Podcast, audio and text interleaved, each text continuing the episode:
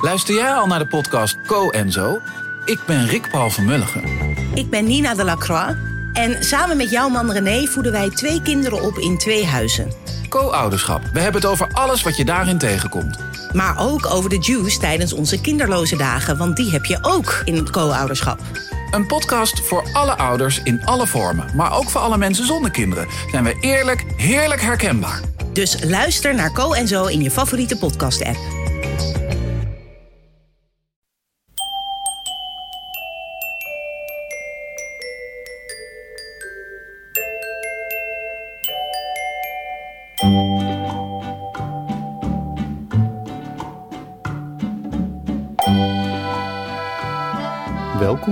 Aflevering 193 van de Echt Gebeurd podcast. Waarin waar gebeurde verhalen worden verteld door de mensen die het zelf hebben meegemaakt. Deze week een verhaal dat Roos Westerveld vertelde tijdens een middag rond het thema Bij mij in de straat.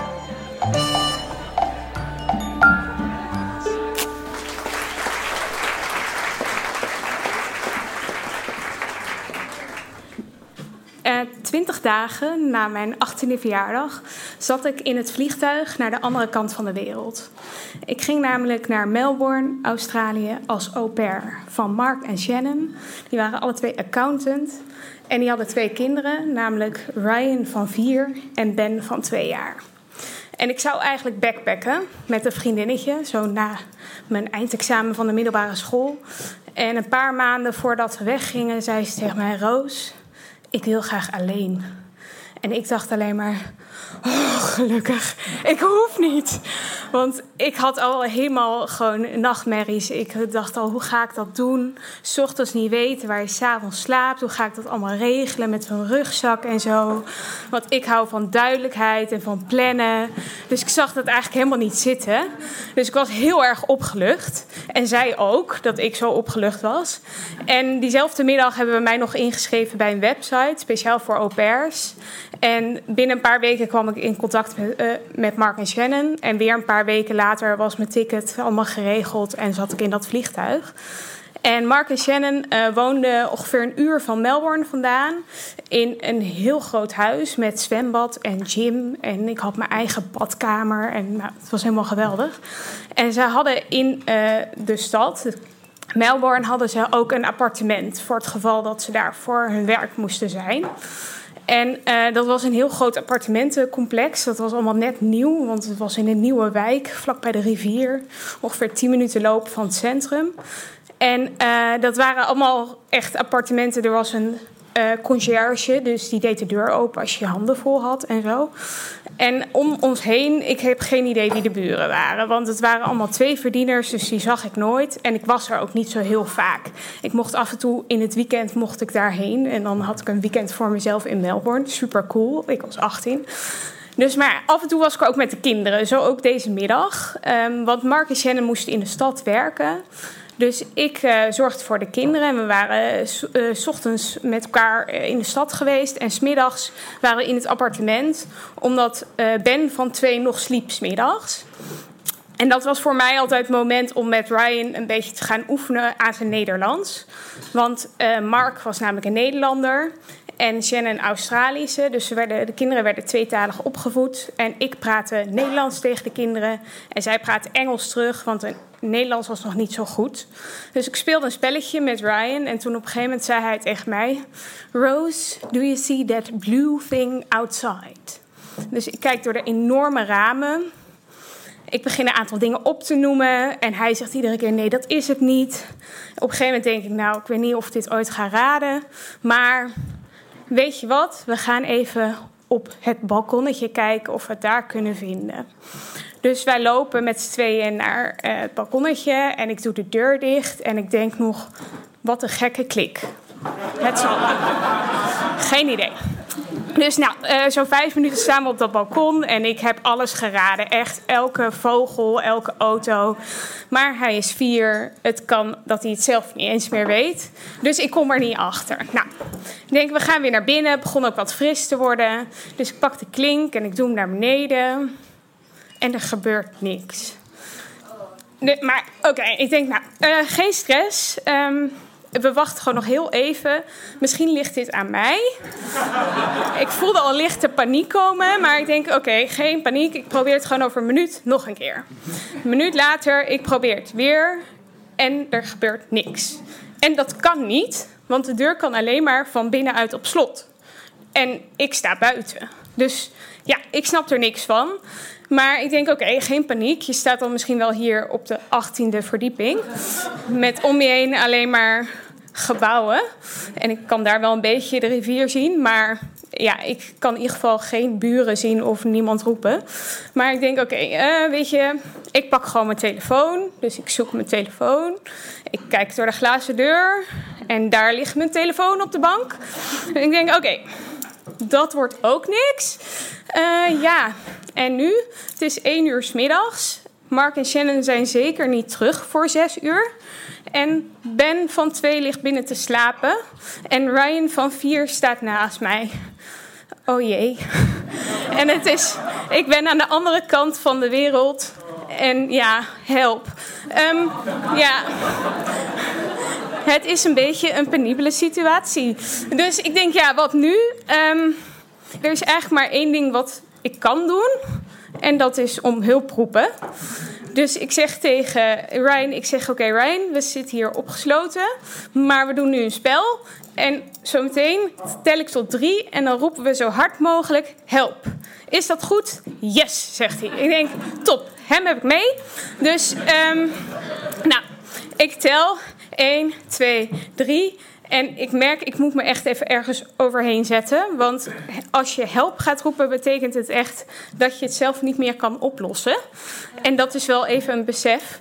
Maar ja, ik denk, ja, we zijn daar echt aangekomen. Dus ik roep zo hard als ik kan help. Een keer of vier, vijf. En ik heb best wel een goede longinhoud, want ik heb het jaar hiervoor uh, het hockeyteam van mijn kleine zusje gecoacht. Dus ik heb goed kunnen oefenen. En ik zie dat mensen beneden op straat omhoog kijken ik heb aandacht. Maar daarmee als ook meteen het volgende probleem... dat je niet echt een conversatie kan hebben. Want ik sta op de 18e verdieping. Dus uitleggen van... ik weet ook niet waarom ik hier sta op dit balkon... en de deur gaat niet meer open... en kunt u misschien naar binnen lopen... want daar is een conciërge. Ja, dat wordt allemaal niks. Dus ik denk echt, hoe gaan we dit oplossen? En op dat moment is er een man, twee balkonnen lager... die zijn hoofd om de hoek steekt... Hi, can I help you? Dus ik zeg yes. Dat blijkt dus de buurman, wist ik veel. En ik zeg ja, kunt u misschien naar beneden lopen naar de conciërge en dan aan hem vragen of hij een reservesleutel heeft? Ja, zegt hij. Oké, nou, nog een paar minuten even met Ryan. En hij vindt het nog steeds beste avontuur ever. Hij heeft het helemaal naar zijn zin. Dus dat gaat in ieder geval goed. Ik denk, oké, als hij in paniek raakt, dan is helemaal het einde zoek. Een paar minuten later, twee hoofden om de hoek. Uh, de, de conciërge komt en de conciërge, het eerste wat hij zegt... Hello, are you a visitor? Um, dus ik probeer uit te leggen, nou ja, ik ben de au pair van Mark en Shannon en die wonen hier. En ja, uh, we zitten opgesloten. Kunt u, ja, heeft u een reservesleutel? Nee. Oké, um, kunt u ze dan misschien bellen? Ja, ja, dat kan hij misschien wel. Hij zegt, ik zal even kijken of ik een nummer heb. Ik zeg, bel niet het thuisnummer, want daar zijn ze niet. Dus ik hoop heel erg dat u het mobiele nummer heeft. Zei, ja, dat hoop ik ook. Dus ik, en ik denk, ja, anders kan ik het ook niet vertellen. Want ik ben van deze generatie. Ik, neem, ik ken geen nummer uit mijn hoofd en mijn telefoon ligt binnen. Dus uh, hij gaat weer weg en ik blijf weer een spelletje spelen met Ryan. En uh, even later komt weer zijn hoofd om de hoek. En hij zegt: Ik heb Mark kunnen bereiken. Die zat midden in zijn lunchpauze. Hij komt eraan. Top. Uh, kwartier, 20 minuten, dan zou die er wel moeten zijn, hoop ik. Dus ik denk: Oké, dit is helemaal te overleven. Ik blijf een spelletje spelen met Ryan. En op een gegeven moment, uh, na zo'n kwartier of zo, zie ik een uh, brandweerauto aankomen rijden. En die lijkt even te stoppen voor de deur. Maar ik kan dat niet zien, want er is een uitbouw voor de deur. Dus ja, vervolgens zie ik hem wegrijden en twee straten verderop parkeren. Dus ik denk, nou, dat is dan niet voor ons. En eigenlijk datzelfde verhaal gebeurt met een politieauto. Maar op dat moment komt Mark binnenlopen. Nou, die laat ons vrij van het balkon. Ryan is helemaal door dolle heen. Die heeft net het beste avontuur ever beleefd. Zijn vader is midden op de dag thuis. Hij loopt echt te springen en te dansen. En ik zak neer op een stoel met een glaasje water. Om bij te komen van dit hele avontuur. En uh, vervolgens denk ik al vrij snel: ik moet die buurman bedanken. Want dat is toch wel de redder in dit verhaal. Dus ik loop naar de gang toe. En uh, ik druk op het knopje van de lift. De lift komt eraan. En de deuren gaan open. En daar staat de conciërge met twee brandweermannen en twee politiemannen in vol ornaat. En het enige wat ik eigenlijk kan uitbrengen is... I'm already saved. ik heb echt pure paniek. Ze beginnen ook allemaal vragen af te vuren met waar kom je vandaan en wat is je naam en geboortedatum en wat is er allemaal gebeurd. Dus ik probeer heel erg snel dat allemaal dat Engels te formuleren in mijn hoofd. En ja, dat ben ik allemaal heel erg aan, snel aan het uitvinden. En gelukkig komt Mark erbij en die legt uit van dit is Roos, dus onze au pair. Het is allemaal opgelost. En nou, die mannen schrijven dat allemaal netjes op. Die stappen weer in die lift en die verdwijnen. Oh, gelukkig, ik hoef niet mee naar, het, naar met hun of zo. Dus dat ging allemaal weer net goed. Dus wat ik wel hiervan heb geleerd, dat ik dacht, ja, zelfs als ik dus kies voor de veilige weg, namelijk de weg van au dan blijkt toch dat je gewoon hele onveilige situaties meemaakt. En uh, het belangrijkste in deze hele situatie was voor mij om het een beetje goed op te lossen. En dat is volgens mij gelukt. Want iedere keer weer als ik bij uh, het appartement was, dan keek Ryan me aan en dan zei Ryan: Rose, do you want to go on the balcony to look at that blue thing? en het enige wat ik dan kon zeggen: No way.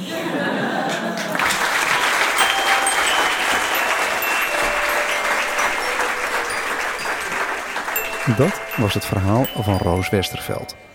Roos is fysiotherapeut en ze vertelde dit verhaal vorige maand bij ons. Toen was ze trouwens net terug van drie maanden backpacken. Het is er dus toch van gekomen.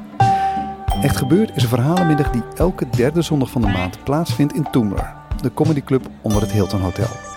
Als jij ook een goed verhaal hebt of iemand kent die een goed verhaal heeft, pitch dan bij www.echtgebeurd.net. De redactie van Echt Gebeurd bestaat uit Rosa van Toledo, Micha Wertheim, Paulien Cornelissen en mezelf, Maarten Westerveen. Productie Eva Zwaving, zaaltechniek Jasper van Oorschot en de podcast Gijsbert van der Wal. Dit was aflevering 193. Bedankt voor het luisteren. En vergeet niet, als je dan toch een balkon op moet, als het echt niet anders kan, dan in ieder geval niet zonder een enterhaak, 3 meter touw en proviant voor pak een beet zes uur. Een dag. Anderhalve week.